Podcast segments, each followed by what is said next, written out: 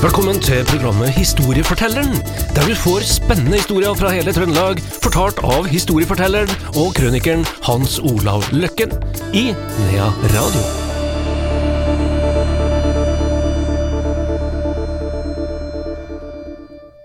Da er vi klar med en ny episode i serien Historiefortelleren, og sammen med meg sitter Hans Olav Løkken. Velkommen hit, Hans Olav. Jo, takk. Du, I dag skal vi til Tydal. Vi skal til Tydalsfjella, vi skal inn med Essan og til Stor-Erikvollen. Ja, Etter hvert. det skal vi etter hvert.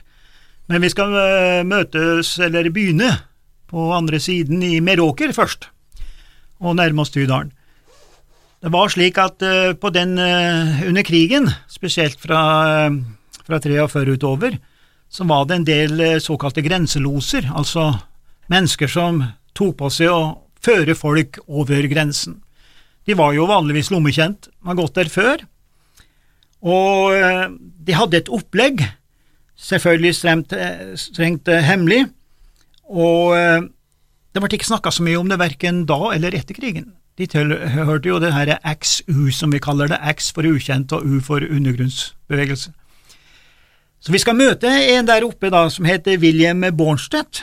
Det, høres, det er jo et navn som klinger, eh, skal vi si, litt sånn tysk, og det stemmer. Det, en, eh, det stammer fra en tysk adelsfamilie. De kom til Sverige, som er heller ikke noe unaturlig, for det var jo mye adelsfolk i Sverige. Så eh, den herre familien havner omsider i Stjørdal. Så Faras, da, han het Johan Malfred Bornstedt. Han kommer til Stjørdal, stor brande, kolossale brande, jeg har sett bilde av henne og sånn, og hun var kjent for å være så sterk. Og alle som er kjent for å være sterke, det er i alle dalfører, de har samme historie rundt seg. De eh, spente av skjækene når ikke hesten klarte det, og så spente de skjækene på seg sjøl. Den har vi hørt i alle slags sammenhenger. Det er liksom det beviset for at du er sterk, det. Eh, De som har dro i stedet for hesten, og da eh, Vi skjønner jo selvfølgelig at det er overdrevet, men han, det gikk jo den samme historia om han her, da. Dessverre så ble han ikke gamle karen, han ble bare 46 år. Og da han gifta seg på eh, Stjørdal, og bodde der, så gifta han seg inn i Reklev-familien, Marie Reklev. Og faktisk talt så er det bare fire hus fra meg, og der bor jo den Reklev-familien i dag, så jeg har litt sånn inside information, som det heter.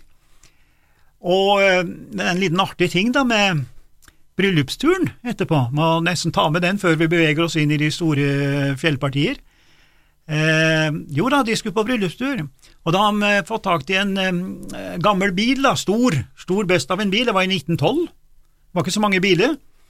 Det er en sånn åpen bil, og eh, bryllupsturen skulle gå fra Stjørdal til eh, Selbuskogen.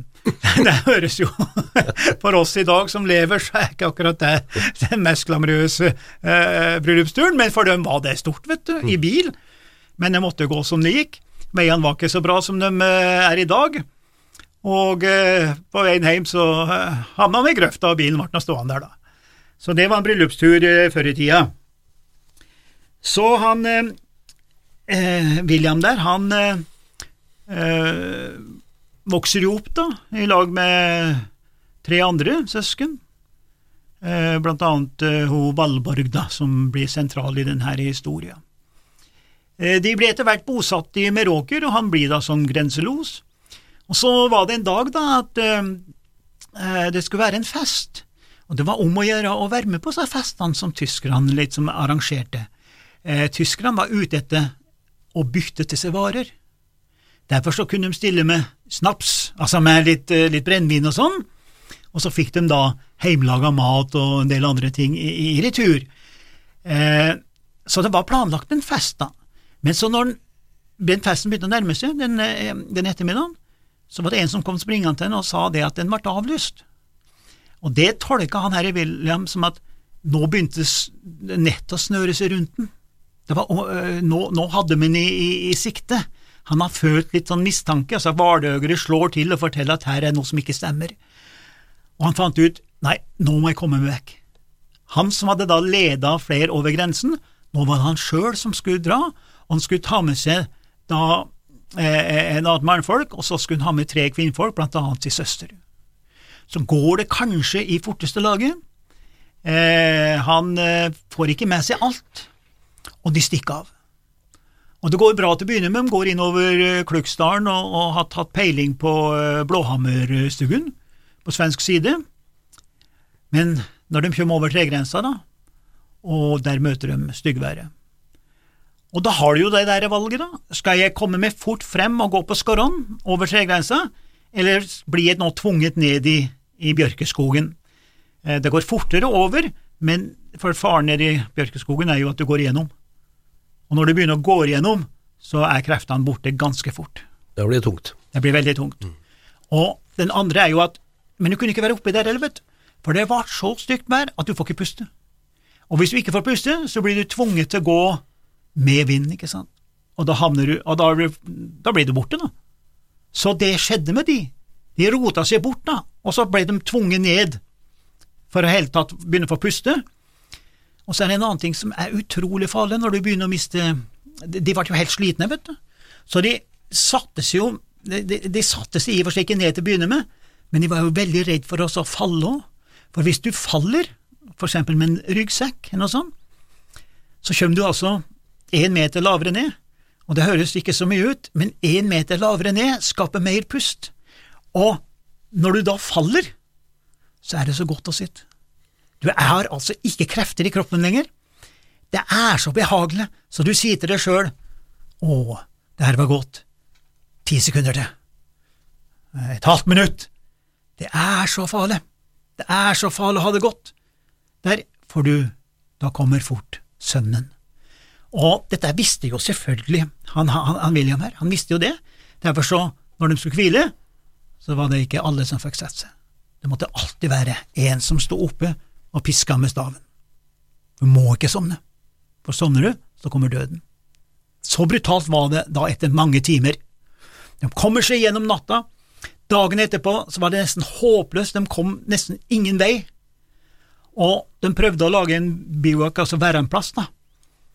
Eh, men, eh, men, de visste ikke hvor det var. Husk på, nå må du snu det hele tiden for å få puste, altså. Det er jo enorme krefter som holdt det der nede i skogområdet. Og det kom en ny natt, og nå var de utkjørt. Og det, her er det litt kjønnsforskjeller òg, som vi må bare godta. De her tre damene, vet du, de, de bart jo etter, og det går jo heller ikke. Du kan ikke forlate noen med 10-20 meter. Da er de borte, da. Så eh, de eh, ble tvunget, totalt vekk, de visste ikke hvor de var, og plutselig så står de foran ei stor hytte, og det var Stor-Erik Vollen, Altså langt ute av kurs. Og det de oppdager da, er at her er det jo folk. De ser jo at et vindu var sånn halvveis oppe, og de ser skien. Og de så at det var tyske. Så de er oppe på skavlene der, da, vet du, og du vet jo hvordan det er på hytter, ikke sant, store skavler rundt, og så må du liksom gli ned på baken og så ned til veggen og komme inn noe vindu. Og da fant han, hvis det hadde vært normalt, så har de selvfølgelig gått vekk derfra, men de hadde ikke noe valg, skulle de herre damene klare seg å overleve nå, så måtte de inn. Så han sa det at ok, vi sier at vi er på vei til Tydalen, og de hadde sånn eh, grenseboerbevis, slik at de har lov til å bevege seg i området. Og så sier han vi må lage litt bråk, vi må lage litt støy, vi må ikke komme for brått på de soldatene der inne, for da kan avrekkeren gå veldig fort. Så de bråka og herja, kom inn, og først var hun Valborg, søstera, og sånn William sjøl. De gikk først inn, og så går de bortover korridoren, og plutselig smeller det. Og han tar seg mot brystet. De traff meg, det er siste han sier her i livet, sier hun Valborg, da, for hun overlevde, da. Og så detter han bare sammen. Og antagelig så var det en MP40, altså et maskinpistol, som var standardgevær for, eh, for tyskerne på den tida. Og de kan jo da enten stilles på enkeltskudd eller på, på serie. Antagelig var det stilt på serie, og så gikk det flere kuler. da. Etterpå så er det kommet fram at tyskerne ba om unnskyldning for at de var så nervøse. Har visst noe høyere befal sagt, da. Men det står bare fra noen lokalhistorikere, jeg vet ikke hvor de har det fra, da. Så øh, han ble drept der, han William. Og øh, de la han vel opp på et pol, fordi at eh, en fra inne i Stugedalen, Brandfelt, han var i lag med far sin dagen etterpå. Eh, inne ved eh, noen no, eh, små fisketjørn på noe isfiske. Og da kommer det et følge med mannfolk sin, men det, det var altså tre kvinnfolk, og så han eh, andre mannen. Da kom tyskerne med dem og skulle nedover til, til Stugedalen. Da. Og da er det en, og det var en mannsstemme, som roper De har skutt en idet de passerte de som satt og fiska, da, kan du si. Og Derfor så tar han herre Brandfelt, han døde i 2012 Bransfjell. Bransfjell, han heter, ja. Bransfjell. Ja, han eh, tar seg da innover det med mistanke om at det har skjedd inne ved Storerivollen, da, for det var ikke så langt fra, og finner han Wilhelm som ligger på det bordet da med et laken over seg.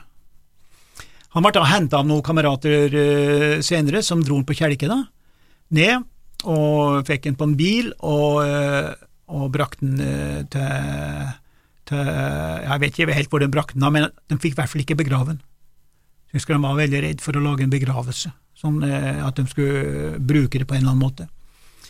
De eh, som ble tatt til fange, da, de kvinnfolkene havna på Vollan, da, som, var, som er ved Studentersamfunnet i Trondheim, bak der, og mannfolkene havna på Eller omvendt, havna på krets, kvinnfolkene på kretsfengselet, og, og mannfolkene på Vollan, som var litt mer sånn alvorlig sak, da. Og Der satt de i flere uker før de ble forhørt, og sånn, sier hun Valborg, da, som, eh, som hun døde i 2000, så ganske sikre kilder med henne, da. Og eh, det var jo en, en, en fæl tragedie, da, og, med denne familien. Og eh, det som er eh, litt sånn spesielt, da, og, gjør det enda mer tragisk, var jo at han har jo antagelig redda en del mennesker, da. Det vet vi kanskje ikke, men han har i hvert fall gjort en innsats. Og så begynner han å føle at nå brenner lunta. Og så, så var han jo kjent for å være en sånn kald fisk, han var kjent for eh, nøye planlegging. Eh, han tålte hva som helst og, og sånn. Og så drar han. Og så blir det altså i det kaldeste laget for han. Og det er jo det som er, når han sjøl skulle redde livet, så gikk det så galt, så galt. Det var historia i dag, og flere historier får du her i Nea Radios Historiefortelleren neste uke.